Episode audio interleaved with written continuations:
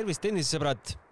French Open aasta teine Suure Slami turniir on kohe-kohe algamas, pühapäeval peaksid mängud algama, aga äsja on meil käes siin paberilehed, laud on pabereid täis.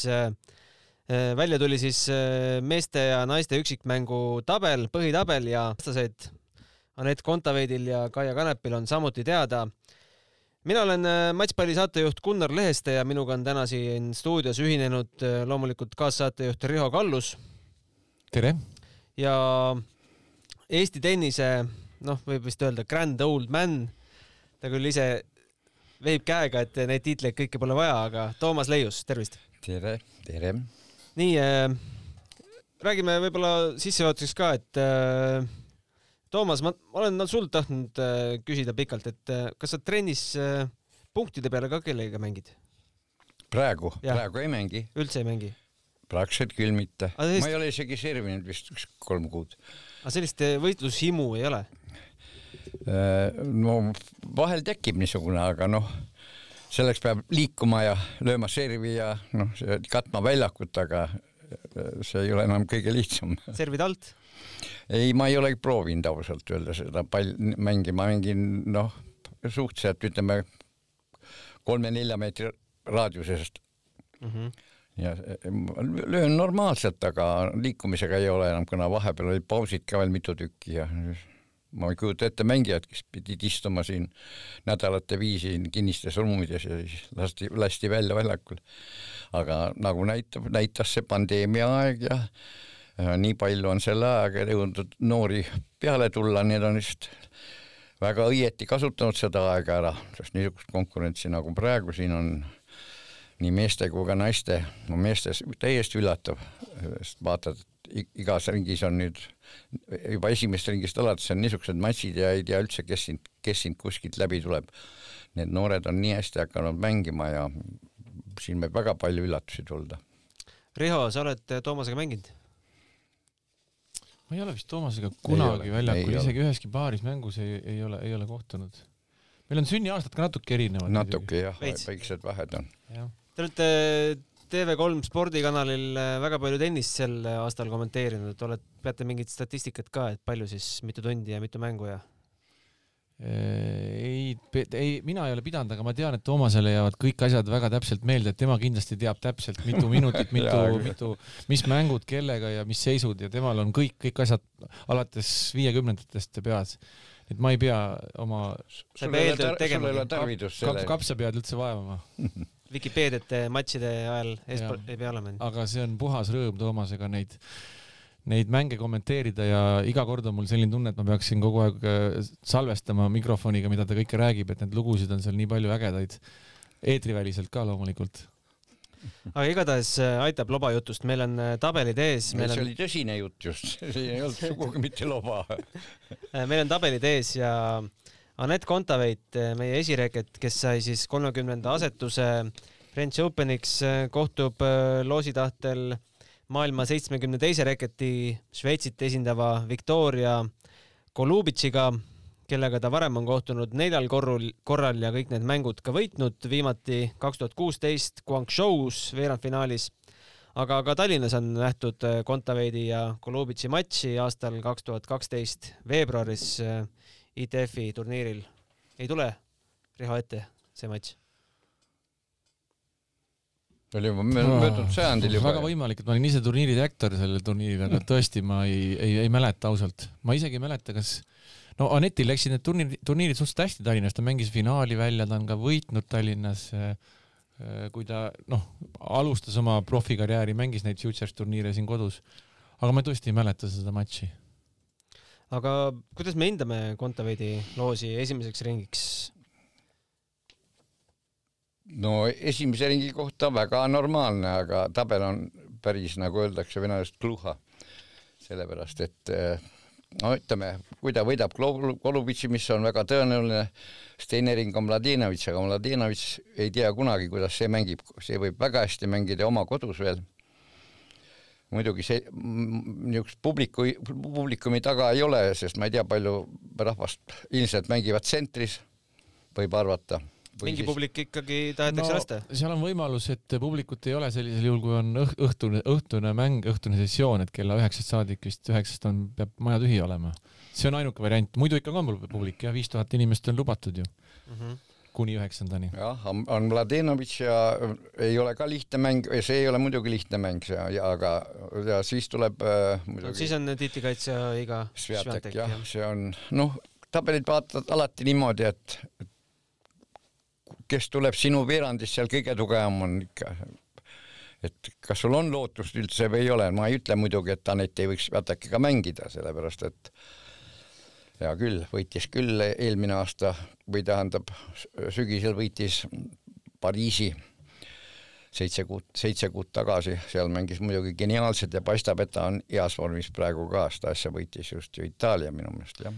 mitte, mitte väikse skooriga finaalis, aga sellest vast jõuame veel rääkida. Äh, aga mida me teame Golubitši mängu kohta, on keegi, on kellelgi visuaal ees, kuidas äh, Victoria, ei oska öelda, ei ole tõesti ei ole näinud ega ei tule nagu ette. ega Riho ilmselt ka sul? jah, ei kahjuks, kahjuks küll ei mäleta neid mänge praegu.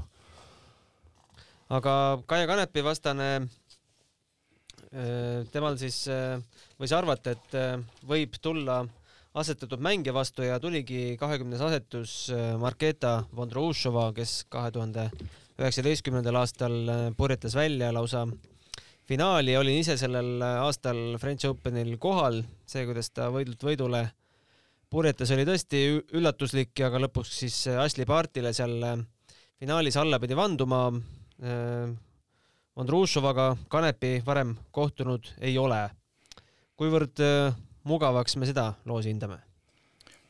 noh, kui võtta sellest seisukohast, et teises ringis, ütleme, kui ta esimene ring, ütleme, oleks olnud keegi mitteasetatud mängija, siis, äh, siis sellega võrreldes, kellega sa oleks pidanud teine ring mängima, siis teine ring, kui sa esimene ringi võidad, on kol-, on keegi kolmekümne kahe hulgast asetatud, nüüd on tal see kolmekümne kahe hulga, kahekümne, kolmekümne kahe hulka asetatudest kohe esimene ring vastas. aga tabel on suhteliselt geniaalne tal. võita Vandruskova ära, Kornei on täiesti mängitav, siis on Kiki Pertens, kes on oli ka siin viimasel ajal ei ole vist mängu kaua aega võitnud.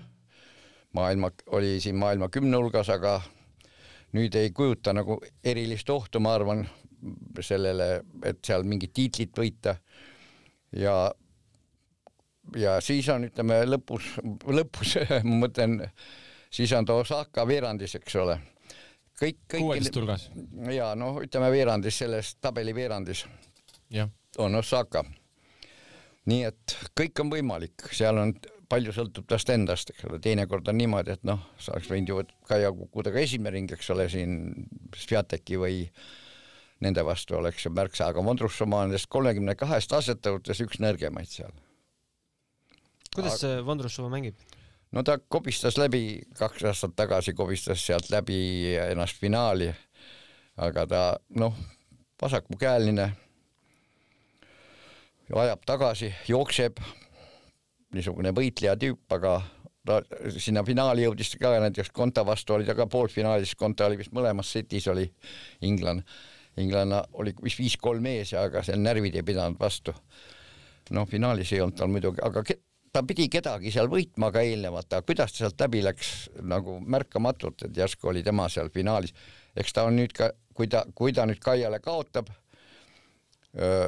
siis äh, sellisel juhul ta kaotab, peaks nagu kaotama kõik need tuhat kakssada või tuhat kolm, palju see naistel on vist tuhat kakssada punkti mm. -hmm. ja siis ta kukub ka, kukub päris kaugele sealt, ta praegu on seal kuskil kahekümne piiri peal seisab. kahekümne piiri peal seisab ja siis ta langeb sealt välja, nii et Mondroskoval on ka, aga noh, ja, ja keegi ei taha Kanepiga eriti mängida, kui, kui Kaia ikka hoos on ja tervis korras ja siis on tema vastu ükskõik kellel maailmas raske. no teie ju viimast mängu Kaiaga mõlemad kommenteerisite, Kaia mängis siis Coco Gaufiga Parma turniiril, WTA kakssada viiskümmend kategooria turniir oli see ja seal Kauf, kes nüüd tõusis ka esimest korda maailma kahekümne viie parema sekka, võitis selle turniiri üsnagi veenval moel ära, aga mäng oli selline, et äh, Kaial oli esimeses äh, setis vist äh, kiires lõppmängus üks settpall, teises setis kaks settpalli, et üsna, üsna napilt libises käest ära, mis te sellest mängust tagantjärele mäletate? no mäng oli päris kõrgeklassiline, peab ütlema, et ja eks see Kaufi edasine mäng, ma vaatasin neid poolfinaali ja finaale, ikka mängib, on hakanud mängima ikka väga head tennist juba, kuna ütleme siin kaks aastat tagasi esimest korda ilmus areenile, siis ta põhiliselt hoidis palli mängus, ta peaaegu veatult mängis ja tiris välja kõikvõimalikke mänge seal, aga praegu ta ikka, ta ikka mängib ikka supertennist ausalt öeldes. ma vaatasin ta tabeli järgi ka, siin on tal täiesti, täiesti loogiline, täiesti loogiline tuletan vahepeal meelde, et tegu on seitsmeteistaastase. jah, noh, ta ka väljanägemine ja kõik ta nagu füüsilised võimed ja praegu on juba täiesti ütleme juba noh, võtame nii nagu see, ütleme Venus Williams, väga sarnane Venus Williamsile, pikad käed, pikad jalad ja mängib, oskab kõiki, kõike, mängib väga hästi võrgus, ideaalselt, peaaegu tehniliselt ette valmistatud ja noh, kahtlemata suur tulevik on sel tüdrukul ees. kus me Kaufi siit äh, tabelist äh, üles leiame? paneme stopperi käima, kes esimesena leiab? Äh, päris raske ülesanne. ei ole, ma just vaatasin tema, tundsin huvi tema vastu. korra leidsin ta üles juba siit. kohe vaatan. aga tal ei ole ka kõige kergem, igatahes tabel ei tundunud olevat jah, et äh, lisada veel siia selle matši, matši kommentaariks, siis äh, Toomasega arutasime ka ja vaatasime, et, et see oli väga kõrgekvaliteediline tennis ja, ja no vähesed suudavad niimoodi mängida Kaia vastu ja, ja, ja ütleme nii, et äh, no igati küps mängija juba praegu. et see, see tüdruk hakkab, hakkab suuri tegusid tegema juba üsna pea tõenäoliselt. no nii, siin on siis Kaupi tahtsid midagi veel öelda või? ma tahtsin öelda, et ma tahtsin öelda, et see oligi, võib ju öelda, et see oli ju Parma turniiri finaal põhimõtteliselt, mis põhimõtteliselt muidugi, ära peeti. mingit probleemi edasi ei olnud seal. aga siin on ühesõnaga mitte, mitte kõige, mitte kõige õnnestunum tabel ei ole muidugi selles mõttes, et Prädi on küllaltki vastik, vastik mängija, ütleme, kui ta kaks ringi võidab kaks ringi võidab, siis on tal, noh, see vastav võib Prädi vastu mängida, liiva peal, liiva peal eriti, Prädi on roht, suhteliselt ohtlik, ohtlik haardi peal. ja, ja siis, no ühesõnaga, kui ta normaalselt mängib, on ta parti vastu, kui parti läbi tuleb. partil ei ole ka kõige lihtsam, see on Sabeur ja Sabeur võib ka väga hästi mängida, aga noh, ega parti ei kujuta ka, kuigi ta võitis, ütleme kaks aastat tagasi Pariisi. näiteks äh, poolfinaalis oli tal mäng kaotatud Amanda Anissimo vastu. see oli üldse traagiline, traagiline matš selles mõttes, et millega see lõppes. Äh, Anissimov oli, oli, ei, ta võitis väga kergelt Halepit peaaegu ühte väravasse ja, ja siis oli parti vastu esimeses setis viis-null taga, võitis äh, seti seitse-kuus, järg kolmteist seitse oli kolm-null ees, see oli poolfinaal. ja praktiliselt noh, et asi on ühel pool, ta no ütleme kümnest viimasest game'ist, eks ole, oli üheteistkümnest oli kümme võitnud. seitse, äh, seitse ja kolm, eks ole, kümme, kümme ühe vastu game. aga kaotas selle kaotas selle matši ära, isa sai paraja või ütleme infarkti või midagi taolist, mõninga aeg ilma isa suri ära. selles mõttes ma, see oli väga traagiline ja tüdruk ei ole noh, vaatad ka ta mänge, ta mängib praegu ilusti, aga ega ei ole lihtne, kui sa oled, isa on teda treeninud kogu aeg, leida endale uut treenerit. see kogu, kogu ütleme tiimi, see palju kui suur see tiim üldse oli, isa oli põhiline ja ilma isata praegu on, ei ole, ei ole midagi hiilgavat näidanud, ega ta ei mängi halvasti, aga, aga ega ta ei ole näiteks nõrgem, ütleme põhimõtteliselt kui, kui Kaup, nad on enam-vähem kõige suuremad võib-olla Ameerika, Ameerika tulevikutähed peaks olema. ja nii, et ja finaal oleks Vondruska vastu, seal oleks selge, kes oleks võitnud, oleks võitnud muidugi Anissimova mm. -hmm. vot niisugused lood on. aga tulles veel äh, Kanepi mängu juurde tagasi, siis äh, no täna hommikul rääkisin Eke Tiidemanniga, kes on siis äh, Kanepi nagu ta ise ütleb, et ajutine treener siis nii-öelda, et püsivat kokkulepet ei ole, aga aga Parma, Parma turniirist alates koostööd teevad ja ütles, et temale jättis küll Kaia väga väga võimsa mulje ja tundub olevat hetkel heas vormis. küsisin selle väikse teibi kohta, mis tal oli äh, sääremarja peal, et see ei ole midagi tõsist. pärast tuli see ümber, ümber siduda, see teip hakkas sellest lahti tulema. et sellepärast ei maksa fännidel muretseda, aga olete nõus, et Kaia jätab endiselt väljakul võimsa mulje? no Riho. no viimane. otsustav sõna. no viimane mäng, mida me Toomasega kommenteerisime, vaatasime ka, minule jättis ta küll ikka väga hea mulje. et äh, midagi ei, ei, ei saa öelda, mängib oma elu parimat tennist ja taaskord jälle tuleb tõdeda, et äh, Kaia on äh, superheas füüsilises vormis. no eks Grand Slam on Grand Slam loomulikult ja, ja tihtipeale need äh, kaotused ja võidud võivad, võivad enda kõrvade vahel ka olla, et, et, et võib-olla ka seal Cory Kaufiga need, need otsustavad hetked olid pigem natukene võitlus iseendaga. aga ei, Kaia on kindlasti, kindlasti väga-väga ohtlik. Mida me ootame Kaia ja Eke Tiidemanni koostööst? oli see teie jaoks üllatus või sellest, seda võis, võis aimata, sest nad ju treenivad ikkagi tihti on Tallinnast nähtud Koosoleku väljakul. no nagu sa ütlesid, et ajutised, loodame, et need ajutised kokkulepped on kõige kestvamad. ütleks siis nii, Toomas. nojah, eks EKE oli, valmistas ette seda meie Eesti-Läti matšiks ja Kaia on juba noh, EKE käe all või ütleme, EKE-ga koos on siin üksjagu aega. Et ega see ei ole nii, et ühe päeva, ühe päeva otsus siin või tähendab, et ühe päeva koostöö ja selles treeninggrupis ma ei tea täpselt, aga ma nägin ka Eke, Eket, millal see oli siis nüüd reedel. Eke, Eke tuli just ja ma üllatunud, ma ütlesin, mis, et tulid koju või? jaa, ma tulin, et ma lähen kohe varsti taga, lähen nädala alguses lähen tagasi, et Kaia jäi, Kaia jäi, ei hakanud siia tulema. ilmad ei ole ka sellised, mis siin lubaks eriti väljas mängida ja. Kaia jah äh,, arutas siis Ekega Parmas äh, seal paar päeva ja siis äh, hüppas veel ise Milanost läbi, tal olevat seal üks tutvuste kaudu üks tenniseklubi, kus ta sai siis sealsete noortega natukene harjutada ja nüüd on siis kõik rõõmsalt Pariisis. No minu jaoks igal juhul väga positiivne uudis, et me kogu aeg alati oleme kiitnud ju, et Indrek Tustit on suurepärane füsio ja, ja füüsilise ettevalmistuse treener Kaial ja kui tal nüüd on Eke ka kõrval, siis peaks see asi nagu olema kõik ideaalne minu arust eks paistab, räägime paar sõna Anetis ka, ega me Aneti hetkevormi kohta ju väga palju ei tea. Madridis mai alguses kaotas ta esimeses ringis Maria Sakkarile ja siis kurtis natukene väsimuse üle, ütles, et tunneb ennast nagu udus ja hiljem siis oli kosta, et üks näit, ma ei tea, mille näit, ilmselt verenäit, oli siis natukene paigast ära, aga mis, mis tegelikult äh, tegelikult seal taga on meile ametlikult ei öelda, ega me praegult rohkem targemad ei olegi.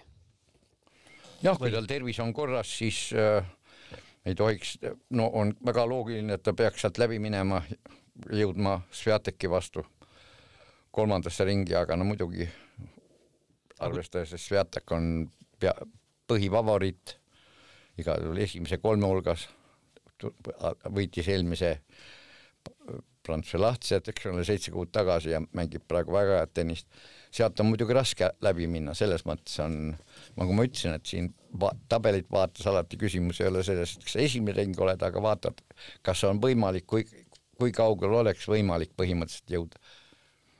aga ma arvan, et ega kui ta terve ei oleks, ega ta sinna Pariisi poleks äh, seda pikka lennureisi ette võtnud ka ei no kahtlemata, ma usun küll, et ega kõik on korras ja küll ta, küll ta näitab küll ta näitab meile ennast Pariisis. Aga enne kui me hakkame siin meeste tabelit vaagima, mis on tõesti, tõesti erakordne võib-olla sel aastal, mõned sellised huvitavamad vastasseisud, mis on välja toodud. Karoliina Pliškova, Donna Vekic, esimeses ringis Muguruza, Kostjuk kindlasti ise tahaks vaadata Sofia Genini, Jelena Ostapenkot. mis te arvate sellest matšist? ma ei saa aru, kas me räägime nüüd meestest või naistest? räägime, lõpetame naistega ära. aa, ja, ja, ja, ja. Genin Ostapenko, kes läheb edasi? ma ei tea, Genin on, kui on jalad alla saanud, siis ta, siis peaks nagu tema minema, aga ta ei ole viimasel ajal vist setti ka kellegi käest peitnud. On... ja, ja, ja Toomas Öksted on head tööd teinud Ostapenkoga, Ostapenko on ka jälle mängima hakanud. ja Ostapenko mängis päris head tagajärjed on ja Sevastan mängis väga korralikku tennist, nii et Läti tüdrukud, Läti tüdrukud on ikkagi, nagu öeldakse, ree peal aga mis te arvate vastaseisust Azarenka, Kuznetsova? no suur lahing tuleb see on jah, ma vaatasin ka tabelis, et see on jah huvitavaid paare. no Azarenka ka ei ole, ei ole palju mänginud. Kuznetsova on veel vähem mänginud, aga noh. sobivad hästi mängima omavahel. jah, et aga mõlemad on ikkagi ju neid Grand Slam'e võitnud ja ikka, aga noh aastad on nendest juba mööda läinud, aga eks Kuznetsova vahepeal mängis ikka väga head tennist, eks kui ta ikka treeninud on ja siis on ta väga vastik vastane igale ühele. ta kujut-, see on täpselt samuti nagu Kaiagi. see on mängija, noh, oma ajal on nad põhilised konkurendid noorteklassis ja olid kaks tuhat üks mängisid, eks ole, seal mitu matši ja mitu matši seal kaks tuhat üks, siis kui Kaia võitis seda kus need soovad äh, Pariisi finaalis kolm aastat, kolm aastat hiljem juba, kus need soova võitis Ameerika USA Openi. no nii, et e-, erinevad, erinevad, nagu öeldakse, eluteed on nii ühel kui ka teisel, nii nagu Tsitsipas on praegu. Tsitsipas on, eks ole, üks, üks öö, põhi, põhifavoriite, põhifavoriite turniirivõidule praegu Pariisis Raismaa, Raismaa võitleb siin oma vigastustega ja, ja siin future turniiridel, nii see elu on. noh, see teekond jah, läks kuidagi natukene, läksid eh, mehed no,, mehed oma teed, aga meie inimestel läheb sinna, sinna, sinna teed ja teistel läheb üles, see on see vahe no küllap, eh, kui me vaatame, kellega Anett või Kaia noorte seast eh, mängisid, küllap me leiame ka neid, kellel on läinud sinna teisele poole ka. ja eks muidugi on neid, neid ka ja võib-olla rohkem isegi kui, kui neid, kes, kellel on läinud üles. Jah, sinna üles mahuvadki vähesed. aga meeste aga räägime, kes naistest võidab. kes naistest no,, räägime, kes naistest võidab. mainisime juba, mainisime juba. no minu jaoks kuidagi on äh, võib-olla sellised äh, viis nime kes on, kes on Nii. nagu, kes on nagu eraldi listis, loomulikult maailma esireket Ashley Barti, äh, äh, kusjuures ka ju Cory Kaufile kaotanud sellel aastal liival ju. jah ja,, Cory Kaufile on kaotanud.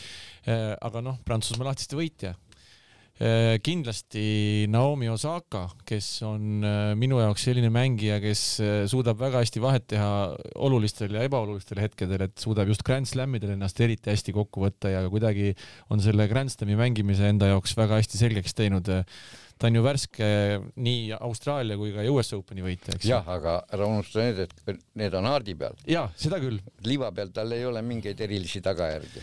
aga no loomulikult äh, üks äh, väga kõva nimi on Arina Sabalenka, kellest me pole veel rääkinud ja kes sellel hooajal on ju liival kaotanud ainult Kaufile ja Partile ja kõvalkattel on ainult sellised nimed nagu Muguruza, Williams ja Kanepi kellele ta üldse kaotanud on, et see tüdruk on ju praktiliselt äh, ikkagi peatumatu olnud sellel hooajal, nii et, et Arina Sabalenka kahtlemata on ka selline, ma ei tea, kus Arina Sabalenka tabelis, me ei vaadanud, me ei vaadanud, kelle vastu tema läks seal. ja, ja siis äh, loomulikult peafavoriit ikkagi Iga Sviatek, nii-öelda valitsev, valitsev äh, Roland Garros võitja ja värske Rooma turniiri võitja ju just võitis ju Rooma turniiri nii kindlalt, et äh, no ma paneks oma raha Sviateki peale. jah, ei loomulikult ma paneks ka oma raha äh, Sviateki peale ja, ja kindlasti ikkagi tahaks ka. ega keegi ei keela panna. ja, ja kindlasti tahaks ära nimetada ka musta lambana Cory Kaufi ikkagi.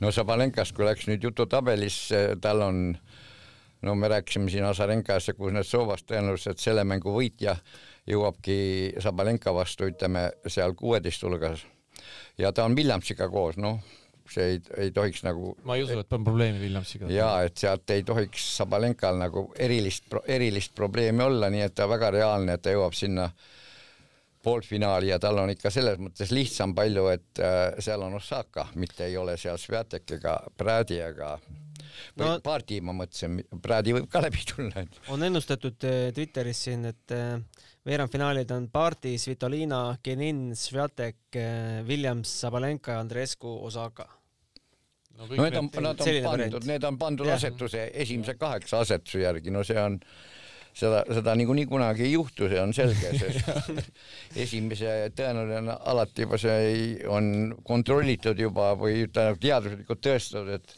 aastate jooksul, et kahe esimese ringiga kukub välja sealt vähemalt kolmekümne kahest asetatust, on äh, üle kümne kukub välja. tähendab, lõpetavad ju turniiri, hakkavad, lähevad pakkima kohvreid, nagu öelda, ja ütelus, et saadeti kohvrit pakkuma ja.... aga võib-olla ka isegi on olnud kuni, kuni neliteist, neli, kolmteist, neliteist mängijat. see tähendab seda, et, et konkurents on ja nüüd on konkurents veel tihedamaks läinud, nii et ei ole sugugi välistatud seal kuskil kaksteist, kolmteist, kolmekümne kahest ei jõuagi, ei jõuagi kolmekümne kahe hulka, tähendab, kahte ringi ei võida. ja meil jäi mainimata ju, et äh, Simona Halep jääb eemale säärelihase vigastuse tõttu kahjuks no jah.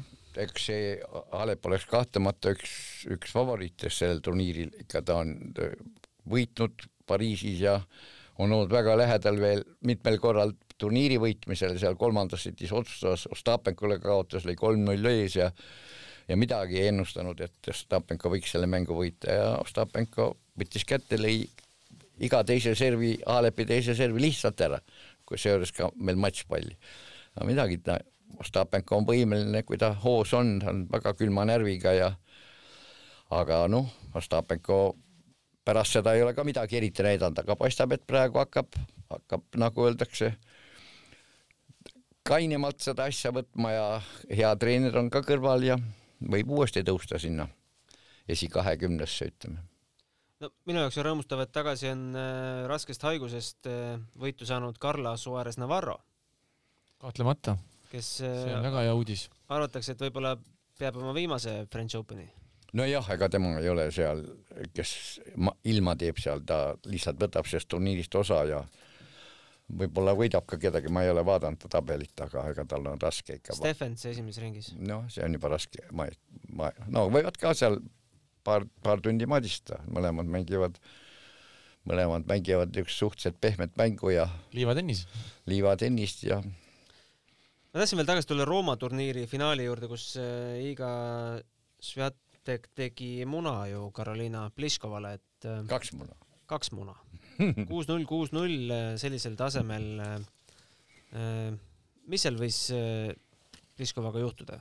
kindel on see, et selleks, et sellised tulemused tekiks, peab üks mängima oma suurepärast mängu, teine oma halvimat mängu.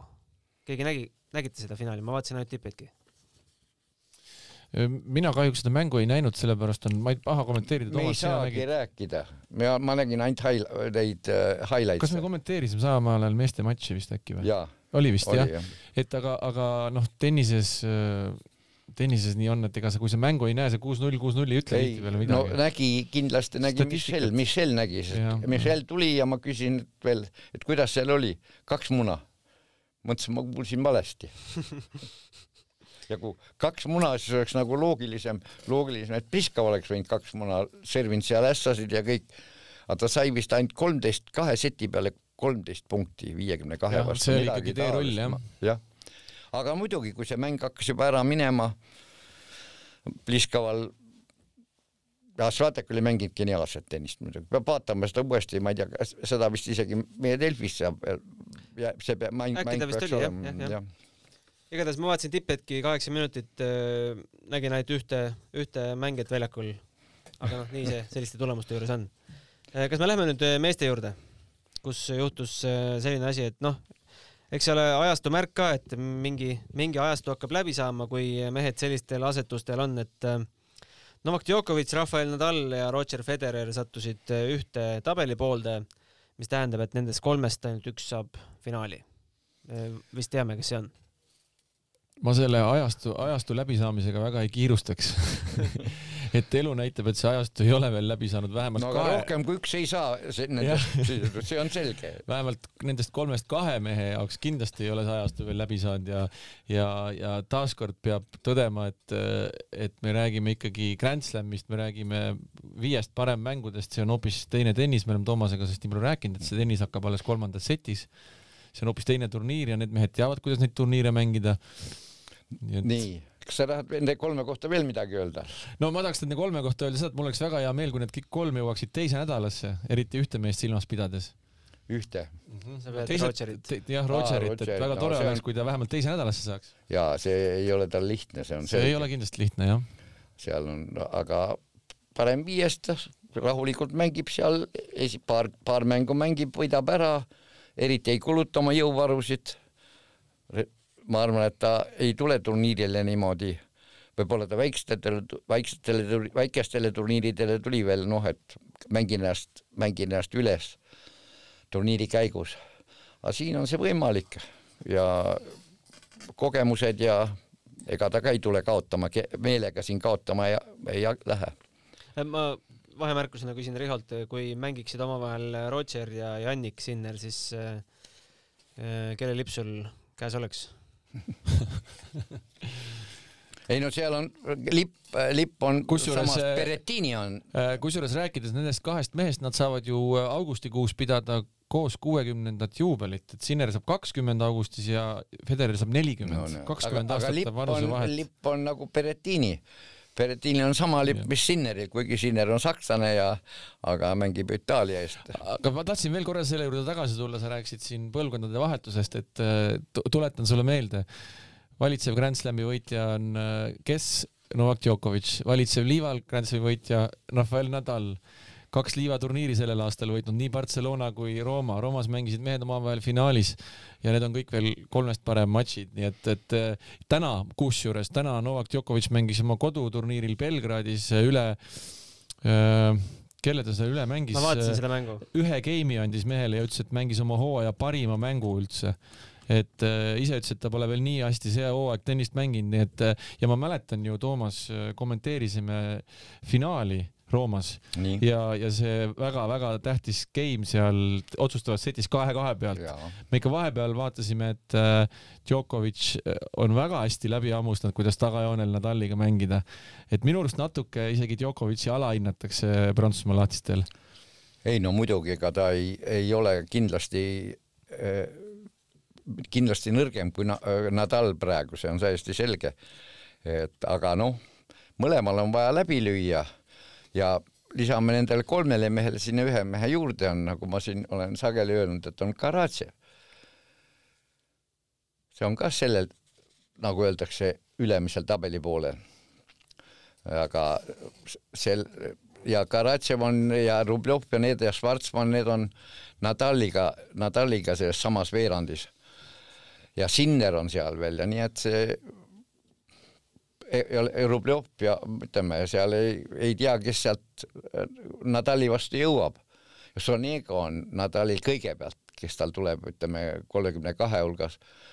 ja, ja ega ükski ring tal lihtne ei tule seal, see on selge ja ma tahtsin natuke rääkida veel sellest, Toomas ütles hästi, et eh, see meeste konkurentsi kohta, et kui me vaatame neid nimesid, kes on paigutamata Prantsusmaa lahtistel, alustame John Isner, mees, kes on liiva peal Andrei Rubljovist jagu saanud sellel aastal.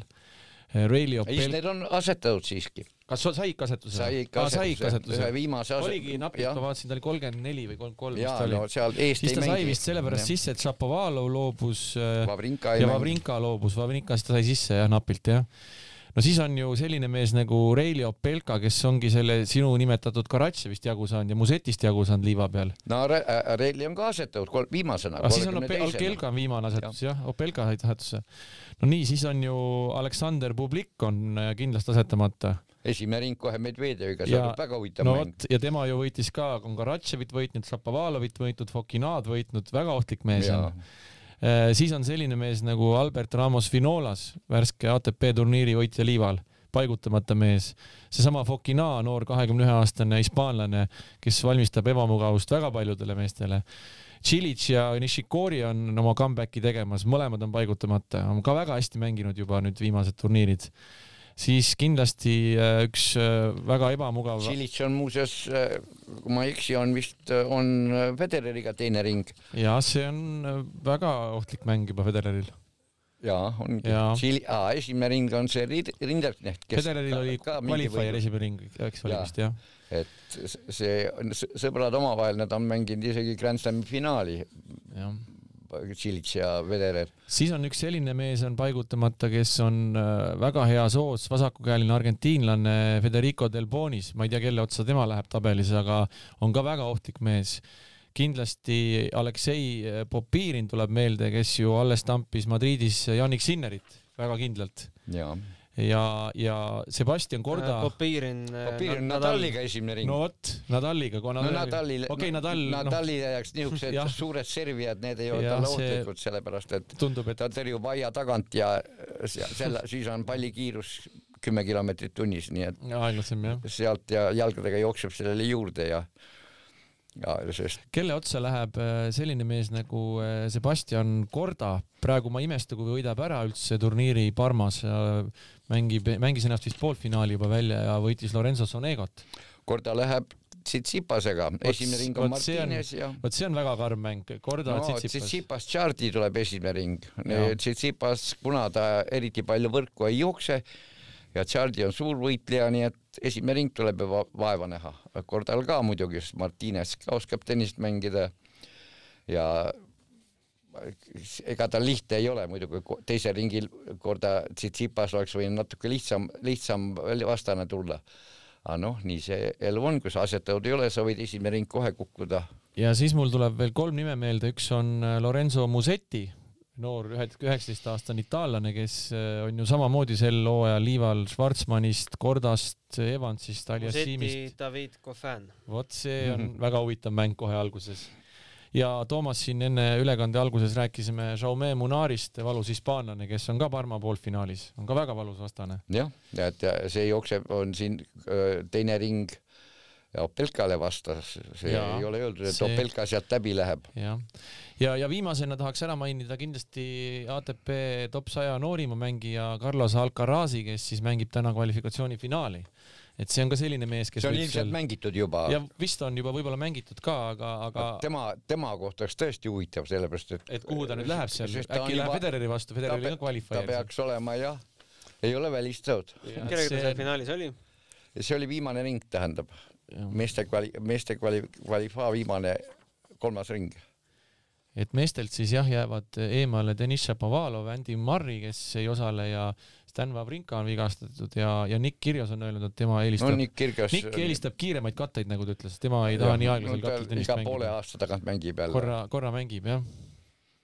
aga üks baltlane on ka sees, on Ricardo Sperankis Leedust ja sai esimeseks ringiks endale Hugo Humbert või kuidas mm. seda meest nüüd hääldati, väga, väga ohtlik mees tegelikult äh, ausalt öeldes juba eelmisel aastal me vaatasime ja oleks Hugo Umberist juba rohkem oodanud, kui ta on äh, sellel aastal saavutanud. no ta on siiski asetatud juba, jõudnud ja. juba ikkagi. ta oli juba, ta oli juba eelmisel aastal minu arust, aga, aga kindlasti ka väga andekas ja noor, noor mängumees. ka vasakukäeline, väga valusa serviga. ühesõnaga sa, Riho, tahad öelda, et me ei näegi Nadali Medvedjevi finaali? Ei, seda finaali me kindlasti ei Nadal, näe. Nadali Medvedjevi finaali. ei, seda finaali miks, me ei näe. miks Nadali Medvedjevi finaali ei või näha? ma lihtsalt, ma lihtsalt arvan, et me ei näe. aa, Nadali Medvedjevi, sellepärast et Medvedjev sinna ei jõua kardan küll, et ei jõua jah. ja ei, minu lemmik muidugi on jah, aga sa tahad mulle. ei, ei, ma ei taha sul midagi, lihtsalt. aga ei. me oleme ju Toomas sellest rääkinud, et äh, sinu lemmik võib vabalt äh, tulla maailma esireketiks ka ilma äh. liivahooajal hästi esinemata. ja ta ei pruugi isegi siin võita midagi, ta võib ikka maailma esikuks varsti tõusta. mäletad, me rääkisime sinuga, kes olid mehed, kes ei saanud liival üldse hakkama, Boris Becker kellest me rääkisime, kes, kes olid maailma esimesed ja on võitnud palju Grand Slam'e, aga liival ei suutnud ja, või teha. need, kes muru peal settiga ei võitnud, aga olid ka maailma esimesed. kuigi et... kolm, kolm Grand Slam'i oli, olid muru peal. nii et Medvedjevi hooaeg algab ka ikkagi peale. no siis on tal, algab tal suur punktide kogumine, aga Just. ta võib enne seda maailma esimeseks tõusta. sest see, tal ei ole praegu midagi kaitsta, punktigi. ja Djokovicil on kaitsta, Nadalil on kaitsta, nii et ja kui need ja Djokovicil on Wimbledon kaitsta, nii et kui enam-vähem Medvedjev seal midagi joonistab, kuskil saab oma tuhat punkti, siis täiesti kindlalt on ta maailma, maailma esimene mingi, mingi, mingi periood, võib-olla paar nädalat, kuni talle hakkavad need punktid ära kukkuma, kus ta seal kuues finaalis oli ja seejuures kaks äh, master, kaks mastersit ja tuhat ja nii et nii huvitav on meeste osas see ja naiste osas on, ma ei tea, millal need partil ja mis tunnid tal arvesse on läinud, on masendav edu. aga ega see ka palju ei ole, kui ära kukkuda, et siis kui ta e-, ebaõnnestub see turniir, siis läheb ka kaks tuhat punkti kaob kohe selle eelmise, mis tal arvesse läheb, kaks tuhat üheksateist, mis ta võitis. ei ole keegi igavene. jah, ja väga kiiresti võib see, võib see tekkida muutused ja keegi saab oma kaks tuhat punkti ja, ja võib tõusta sinna talle väga kannule. nii see elu on. Toomas, ma tahtsin sinult küsida, ma ise hoian pöialt sellisele Poola mehele nagu Hubert Hurkacz, kellest ma tennise, järgmise tenniseajakirjaga väikse loo kirjutasin. kui tõenäoliseks pead tema kaugele kaugele jõudmist, ärme võidust vast äh, esialgu räägi. Miami Openi võitis. ma olen ta tabelist, ega ta ei ole ka mingisugune eriline liivaväljaku mängija, ta on ikka puha, ta on tugevam küll, ta on jah, ikka, ikka hardcore'i mängija rohkem. ma ei oskagi öelda, peab vaatama ta. esimeses on qualifier, teises on kas Kukushkin või äh, Davidovitš Fokina. see on juba raske, see võib juba raske olla seal, jaa Hiinast me just rääkisime. ja venelane, tüüpiline puhas venelane, nagu öeldakse, nimi on ka nii, et ühe, tal on perekonnanimes nii isa nimi kui ka isa perekonnanimi kui ka ema perekonnanimi, nii et. jah, me siin ükskord lugesime Toomasega kokku, et kui palju neid äh, nii-öelda mitte Vene lipu all mängivaid venelasi praegu top sajas on, neid on ikka, ikka kõvasti. kümmekond tükki. kümmekond tükki kindlasti no äh, Mats Villander äh, pani näpu peale Jannik Sinnerile, ütles, et tema võidab turniiri ära. juba nüüd või? olevat kuskil öelnud jah, siuke pealkiri jäi, jäi silma. ei taha uskuda, et ta nüüd turniiri võidab, aga ta võib väga kaugele jõuda, see on selge, seal, tal on seal tühi tabel põhimõtteliselt. Montvils, see on täiesti nullipoiss praegu. ja siis on, no ja siis on siin, võib tal tulla siin, aa, Nadal tuleb siiski ja ma kardan, et ta ta vist mängis ka Nadaliga mingi mängu, Sinner.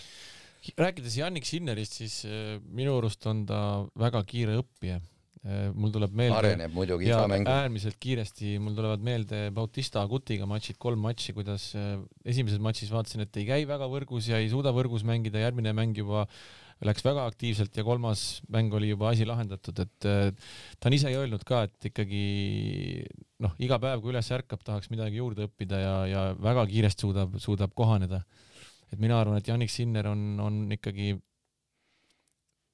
jah, igatahes väga-väga huvitav mäng võib tulla, kui mõlemad jõuavad Nadaliga kuueteist hulgas. see tõenäoliselt see mäng toimub ja kui meil endal siin enda meesmängijat meesüksikmängus veel ei ole, siis Emil Ruusovoorile kindlasti tasub pöialt hoida, tema oma vastast veel ei tea, tuleb kvalifikatsioonist. teises ringis paistab talle asetuste poolest Kristjan Kaarin, Tšiili mees, kahekümne teine asetus. ja kolmandas. see on juba raskem variant. kolmandas Dimitrov, kui peaks, peaks nii hästi õnnestuma. jah, Dimitrov on praegu selline mängija, kellega võib Ruusuori vabalt mängida, kuigi ta viimasel ajal nüüd viimane kuu-poolteist ei ole ta tast kuulda olnud midagi. vahepeal ta küll mängis, päris häid võite sai ja. sai ju jagu Aleksandr Zverevist, aga kõval kattel Miami's. Aga Eesti meestennisistid on siiski French Openil esindatud. viiendal juunil peaks olema poiste loos ja kuuendal peaksid äh, Mark Laeli mängud pihta hakkama. jah, kui, äh, kui nüüd vaadata meil on vist, äh, ma pakun, et äkki viimane kord äh, kaks tuhat kuusteist olid, kui meie noored said Grand Slamil põhitabelisse Mattias Siimar, Kennet Raismaa, midagi kaks tuhat kuusteist võib-olla, et viis aastat on pausi olnud. Klinka ei olnud pärast seda? Klinka vist on äkki nüüd peale seda ühe korra vist. kvalifaas oli. kvalifaas, põhisse vist ei saanud jah? ei, ta kaotas kohe. jaa, aga. tal ei olnud, Argul ei pidanud üldse saama, siis järsku vaatasin, sõitis ja mängis mm, -hmm. aga kaotas kohe kvalifaas. aga kõva margi on ikkagi maha pannud Mark et kui meil on tüdrukud on olnud VTA edetabelis parimal kohal neliteist ja viisteist, siis juuniorides on poistest olnud Kennet Raismaa neliteist ja Mark Lajal viisteist. nii et täpselt samad numbrid juuniorides poistel. noh hetkel on ta kuusteist, jah, aga ütleme Jah. parim, mis ta on suutnud mängida. kolmas mai oli viisteist jah. aga me, me ei oska ju küllaltki kõrge jah. enne tabelit nägemata, isegi tabelit nähes ei oska ju vast ennustada, kaugele Me ei Mark tea, seal ma ei tea neid jõuda juurde võib. mängijaid on noortes nii, palju. noortes on- võib mängida, tulla keegi, kes ei ole noorteklassi võib-olla üldse mänginud. ja tuleb ja võidab turniiri ära, sellepärast et noh, võtame nagu paljud tähed, ütleme siin äh, noh, kes nimesid, Del Potrod ja Kulbised ja need ei mänginud üldse noorteklassis ju. ja ei, Margiga suhtlesin kohe, ka ainult meeste, meesteklassis mängima. Äh, Margiga suhtlesin ka nüüd siin nädal-paar tagasi ja siis Mark ütles, et äh, ta mängibki nüüd Frenchi ja Wimbledoni ainult veel noored ja siis hakkab ikka kohe mehi mängima ka. no ta saab ju kaheksateist. ja no ta saab sellel aastal on võimalus kasutada veel nii-öelda noorte neid vabapääsmeid Futures turniiridele, et, et on võimalik põhitabelis sisse saada, järgmisel aastal seda võimalust enam pole, pead hakkama kolistama sealt kvalifikatsioonist. Toomas, mis äh, õpetussõnad sa annad Margile kaasa, kuidas, kuidas äh, elu esimesel suurel slämmil äh, jalad maas hoida? no Kü- kõigepealt sa pead olema he- heas vormis ikkagi füüsiliselt, sest ega see noorte mängida seal iga päev niisuguseid mänge ja kõige hullem on see, et sa, ma ei tea, palju ta teab oma vastastest üldse. sageli on niimoodi, et tulevad mäng, nimi ei ütle midagi, tal ei ole, ei seisab ei tea kus, ta mängib väga hästi. võimalike võimaluste piirides ikkagi jälgida, jälgida selle mehe trenne, kelle, kes sul on oodata esimene ring või ikka järgnevad vastased, et sa mingi ettekujutus oleks sellest vastasest, sest väga tobedam on minna, kõige rastikum on minna väljakule ja sa ei tea, pole vastast näinud ka, nägupidi isegi näinud kunagi. no ma usun, et kindlasti teie treener mõtleb ka sellele. Gunnar, mul selle sinu küsimuse peale tuli üks mälumängu küsimus sulle, et äh, Toomas on ka käinud noorte Grand Slami mängimas kunagi. küsimus, mitmes kord Toomas äh, mängis murul, kui ta läks Wimbledoni mängima ja võitis selle turniiri ära? esimene, õige. näed. näed, nii et äh, nii, see ongi, see ongi vastus su küsimusele, et kuidas peaks kohanema, lähed kohale ja võidad ära ja, no ma tahtsingi öelda, et sealt ja tuleb ühtegi setti ka ei ma, kaotanud. kui ma hakkasin rääkima, keegi tuleb ja, ja veedab ja siis ma mõtlesin ennast ka samaaegselt. mm. -hmm.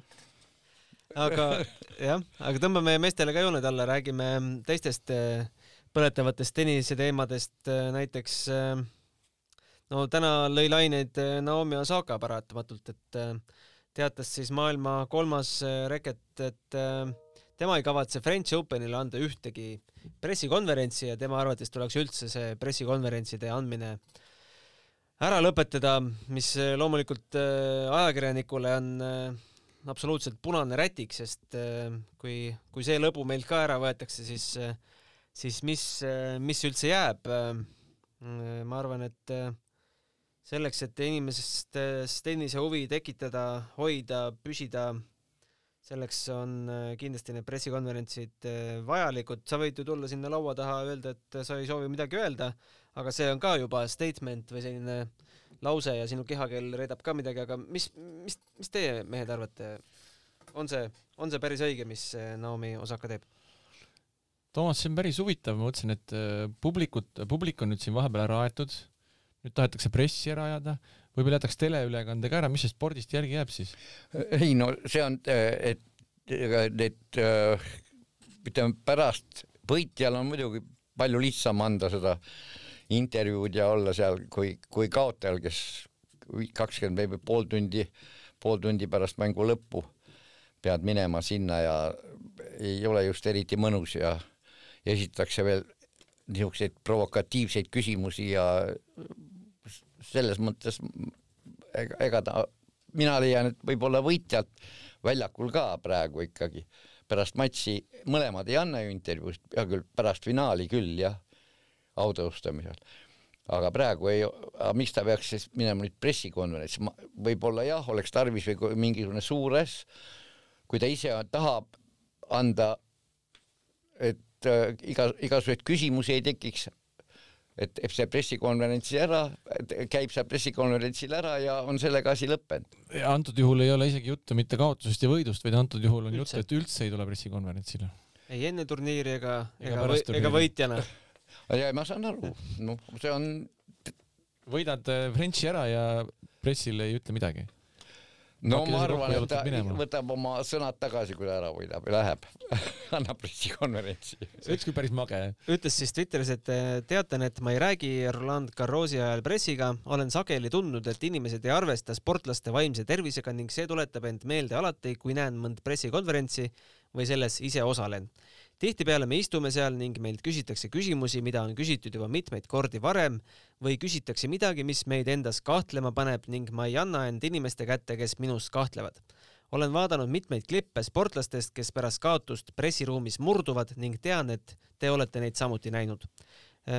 võrdles seda olukorda siis maasalaema löömisega ja ütles, et tal ei ole midagi isiklikku turniiri ega mõne ajakirjaniku suhtes, kellega tal on läbi aegade olnud head suhted. Aga kui, kui siis organisatsioon arvab, et nad võivad lihtsalt öelda, tee pressikonverents või saad trahvi ning ignoreerivad nende koostöö keskmes olevate sportlaste vaimset tervist, siis ma lihtsalt pean naerma. ja ta siis ütles, et loodab, et see summa, millega teda iga kord trahvitakse, kui ta ära ütleb, see võib olla kuni kakskümmend tuhat dollarit ehk kuusteist tuhat eurot, et see summa annetatakse kuskile vaimse tervisega tegelevasse heategevusfondi. no see esiteks see summa võib palju suuremaks minna, kui ta teise nädalasse jõuab, siis need summad võivad olla juba kuuekohalised. nojah, ja tegelikult seletas ju kõik väga täpselt ära, mis ma isegi ütlesin praegu ennem, et öö, oleneb, kas võitja annab ja kaotaja, nad on väga erineval tasemel ja vaimselt ja seal hakkavad oma pisaraid valama ja isegi mehed, eks ole, siis ega see ei ole öelda, et naised ainult nutavad, seal on ka mehed pressikonverentsil, esitatakse tobedaid küsimusi ja noh, milleks seda vaja on kaotaja, kaotajat tirida sinna äh, pressikonverentsile. no ma olen nõus, kui ma panen ennast kaotaja mängija rolli, jah, ma ka ei tahaks minna, aga samas äh, ajakirjanikuna ma leian, et kuskil peaks nii-öelda puutepunkte, puutepunkt olema mängijate ja ajakirjanike vahel ka, et äh, lepime siis kokku, et me ei kiusa või ma ei, ma ei tea aga, aga tennis kui, kui spordiala ju ka tegelikult ega ei arvesta ju sportlase vaimse tervisega, aga see vaimsele tervisele hästi ei mõju, see tennisemäng niikuinii. jah, sa kas kaotad või võidad. see on niikuinii mõjub vaimselt väga halvasti see tervisele, vaimsele tervisele. niigi on ära. niigi on ära, eks ju, niikuinii, et see pressikonverents sinna otsa on niisugune väike kirss tordile, ega see jaa, seda ole. meie ajal küll ei olnud mingisuguseid, ütleme minu ajal seal ei olnud küll mingisuguseid eri, erilisi pressikonverentse ega peale mängu ei olnud sul mingit kohustust kuskile minna ega aga koju jõudes äh, no ja sa ikkagi intervjuusid koju, kogu jagasid. aeg jõudis võitjana koju ja siis oli loomulikult tore olla. jah, tore on tulla lennuki peale, loobitakse sind üles loobitakse üles ja kuna et aga kas siin kaotajana tuldi sulle vastu, küsiti, et miks sa jälle kaotasid no.? no Jaan kirjutas ju, Jaan Talts kirjutas ju hästi oma raamatus, et kui mul vaja oli abi, siis ei olnud kedagi. kui tal käsi läks, kui Erevanist tuli jah, nii see elu on. nii see elu on.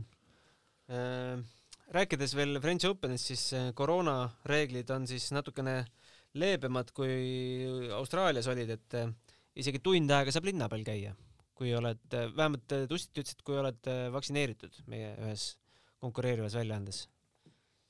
et siis on võimalik linna peal käia, kuidas, ei, see võib väga oluline olla, see võib, see võib ikka väga-väga raske no olla. ma arvan, et pea, televaatajatele või ütleme, saatekuulajatele see midagi ei anna või teadmiseks, et kui keegi saab nädal aega, selle kahe nädala jooksul nüüd käia iga päev tund aega, noh, mingit shoppingut käid ja teed, aga no sportlasele see annab väga palju no sportlasele on muidugi see, sa ikka saad ikka natuke liikuda kuskil, aga ta on ohtlik ja ma ei usu, et keegi seal s- tennisemängijatest või üldse sportlastest võistluste ajal kuskil tahab teiste inimestega palju koos olla. liiga palju on mängus. eks neid testimusi ei ole ka päris tihti, et äh, ilmselt kuuleme mõnest, mõnest positiivsest proovist ka. ega väga ei tahaks. nojah, ma ei tea, ma juba arvan, et noh, enamus on juba nüüd ammu juba vaktsineeritud tõenäoliselt, et seda väga enam ei juhtu. ega praegu ei oska midagi öelda, täna on neljapäev, tabel tehti, mängud hakkavad pühapäeval ja selle kolme päeva jooksul võib väga palju juhtuda ja isegi esimese ringi mängud, kolm esimest päeva mängitakse ilmselt Mm -hmm. esimese ringi mänge ja siis hakkab, hakkab tabeli üks osa, teine osa, üks osa, teine osa. selle ajaga võib siin üksjagu see tabel tühjeneda, tabeliid, ma mõtlen, üksikmängudes. tuleb tabel välja, vaatab kehv tabel, laseb ennast maha võtta. Et ma ei, ei mängi. ja neid kindla-, minnakse muidugi, sest lähevad mängima väljakule need, kes ütleme seal kellel on finantsilised, mida ta, kel ei ole seda raha niivõrd palju, muidugi nad saavad, lähevad väljakule, ükskõik palju nad vastu peavad, võib-olla ka vigastusega, saavad oma raha, sellepärast et see on ikkagi väga suur summa, ütleme seal ma maailma sajandale mängijale, kes saad seal, ma ei tea, varem oli siin mingi viiskümmend tuhat dollarit ma ei tea, palju sellel praegu on, seda on vähendatud vist. kuuskümmend tuhat on esimese ringi kaotaja. kuuskümmend tuhat eurot. Need alumised said juurde, praegu on sama, mis eelmine aasta. alumised jäid samaks, alumised kolm ringi jäid samaks, aga lihtsalt ülevalt poolt ülevalt poolt võeti maha. kõige hullem oli see, et kärbiti paarismängu. kõige rohkem paarismängijad. kõige rohkem, üle kahekümne protsendi. kolm protsenti ka kaotasid paarismängijad. ja, jah. nii et sealt võib olla jah, aga ütleme, juhtivatel mängijatel jah no ta ei lähe väljakule nüüd lonkama sinna, sellepärast et saada nüüd, saada nüüd kes teenivad siin miljoneid või on teeninud juba kaks-kolm miljonit, et ta nüüd läheb selle viiekümne, kuuekümne tuhande dollari peast, läheb nüüd väljakule lolli mängima ja mängib seal, sa ei tee seda mm. -hmm. selles mõttes on need kauge, tagapool olevad mängijad, need lähevad kindlasti väljakule. mis te arvate, kui palju võib äh, mõjutada üldse turniiri käiku see, et äh, Wimbledon pole ju üldse mägede taga, jääb ainult kaks äh, nädalat vahele ja ongi juba Wimbledon nii lähestikku pole need turniirid veel varem olnud? Need nad on ikka olnud juba, ikka märgatavalt lähedamale, lähemale on viidud, kui vanasti oli. siin ikka üle, nüüd jääb vist kaks nädalat jah, kaks nädalat jääb varem oli kolm nädalat, ega, ega siin ta on suhteliselt lähedal ikkagi. et see ei no Toomas no, teab näid... paremini, Toomas, kaua sul aega võttis, et uue katte karjuda? nädal, kaks, maksimum? no ikkagi nädalapäevad igal juhul ja kõige hullem oli ütleme see näiteks äh, Wimbledonis, et, et äh, kvalifaa, kvalifaa ei, ma ei tea, kas praegu ikka mängitakse Roehamptonis, see noorte kvalifaa, see on kõige hullem, sest ma mäletan, et kui ma ise mängisin ka veel täiskasvanu kvalifaat, esimene aasta kohe viiskümmend üheksa, ma ei saanudki Wimbl-, Wimblis praktiliselt üldse mängida. ja Wimbli muru ja ükskõik missuguse teiste väljakute, muruväljakute nagu öö ja päev. on ainult kuus naist ja neli meest, kes on ühel aastal võitnud nii French Openi kui Wimbledoni. Riho, oskad nimetada? no Roger on üks kindlasti. Neist veel mõned ja ma. no Roger võitis Imbli ju järjest ju võitis Frenchi ka, aga kes veel? Äh? no ma ütlen, rahva on võitnud äh, Björn Borg ja Rod Leiver ja meestega kõik. naistest Margaret Court, Billie Jean King. no neid on rohkem jah. Chris Evert, Navratilova, Graf ja Serena ja kõik. no naisi on ikka rohkem üksjagu jah. aga see, et äh, kui raske see on, näitab seda, et kõik need nimed on võitnud vähemalt kümme slämmi karjääri jooksul. Kes on ikkagi väga dominantsed mängijad olnud karjääri jooksul. et see oleks ju totaalne no, pauk, kui Svantek näiteks selle ära teeks. võtame näiteks isegi äh, Roger on võitnud ainult ühe korra, eks, ja võitnud French Openi tänu sellele, et Nadal, et Nadal kaotas, äh, kaotas Söderlingile kaks tuhat üheksa, noh jah, aga seda e, e, Robin Söderling ise ütles seda, kui ta Eestis käis, ma ka rääkisin temaga, ta ütles, et et see Philippe Chatieri liivaväljak oli nii kiire, see oli hoopis teine väljak kui ülejäänud väljakud, et tänu sellele ta sai mängida Nadaliga seal. ütles, et see on ka aastat erinevalt, tehakse seda. ta oli kiire ja see pall hüppas suhteliselt, kuidas öeldakse, ma mäletan seda mängu, see, see pall hüppas nii mugavalt kogu aeg.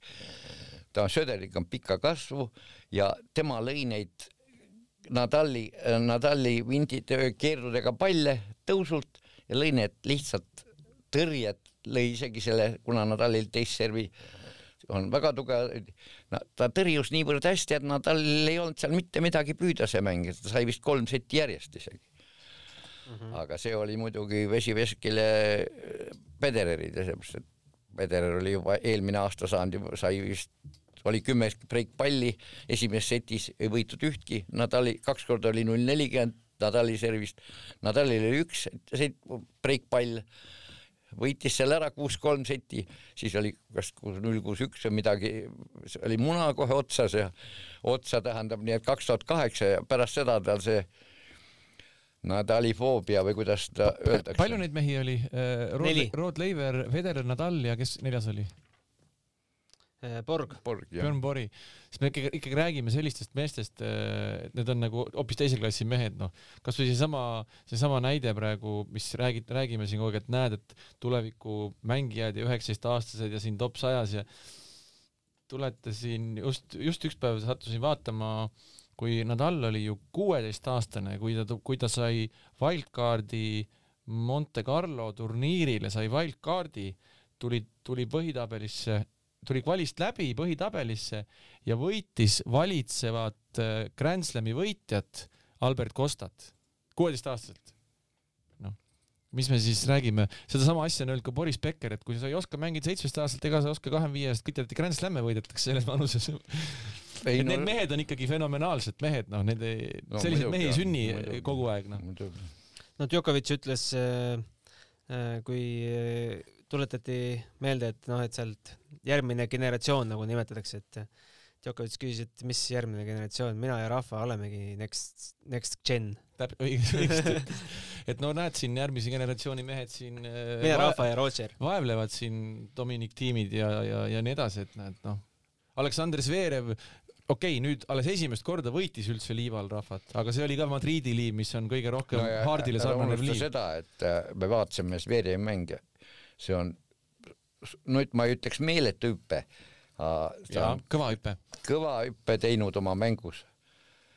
kõva hüppe on teinud Zverev ja ütleme, meestele ei ole sugugi välistatud, et Zverev kõik selle lõpuks ka kinni paneb.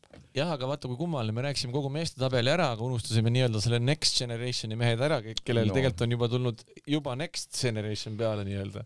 ja ei. nii et, et see, see sellist tüüpi mängumehi on, on palju olnud kogu aeg, aga need mehed on ikkagi hoopis midagi muud. hakkame seda saadet vaikselt kokku võtma. teeme sellise ennustusmängu. ma ütlen teile numbrid sada, kaks. Te saate aru, mis numbrid need on? sada võitu, kaks kaotust Rafael Nadalil French Openil. palju on äh, kahe nädala pärast?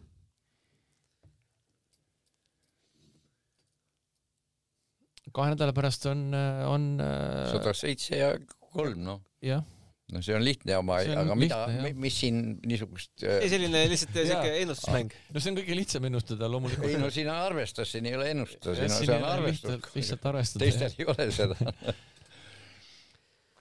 jah ja.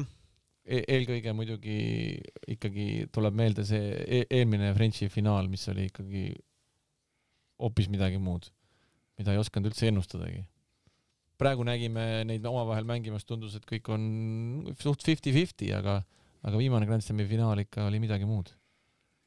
jah, aga ma vaatasin, see, see oli kuus-null, kuus-kaks, kaks setti, aga seal oli igas skeemis mängu. ja tennis on, tagajärg on küll sul kuus-null, aga mängu on palju rohkem kui teises matšis, kus on kus on seitse, seitse-kuus sett. jah, ma olen nõus ja see kolmas sett, kui see oleks, oli seal nugade peale ära läinud, oleks olnud viies mäng, viies setis mäng olla. õige mäng hakkab alles kolmandas setis. nii see elu on. et, et ma, ma arvan ka ikkagi, et, et ei tasu kindlasti mitte kuskilt pidi alahinnata Novak Djokovic'i. nii ta on. kindlasti mitte teda niikuinii, sellepärast et äh, nagu näitasid praegu need mängud on ja ta on pidevalt, pidevalt nüüd mänginud, hea küll, ta on mõne mängu kaotanud, aga näitab ikka väga, väga kõrget taset, et vaata, arvestades seda, et mängida üle nelja, ligi neli pool tundi, neli pool tundi ütleme seal kahte mängu, kahe, kaks mängu vist tal oli mängida veerandfinaali jätkamine Tsitsipase vastu vist oli jah ja,? ja siis oli Sonegoga, siis jah. oli Sonego jah ja ja, ja mängis neli pool tundi ja järgmine päev oli, mängis Nadaliga fifty-fifty mängu. kolm setti. kolm, kolm, ma ütlen, et noh, ja seejuures oli, oleks ta võitnud selle, selle game'i kahe-kahe peal otsustavas setis ma jätan selle, mäletad sa, ma ütlesin, Nadal tegi, Nadali see liigutus ja öö, reaktsioon ja emotsioonid olid sellised, nagu ta oleks matši võitnud. ja täpselt nii oligi sel nädalal siis äh, naised saavad veel uue turniirivõitja Strasbourgis ja mehed äh, Parmas ja Belgradis. ega nendel võitjatel kerge siia tulla Frenchile ei ole?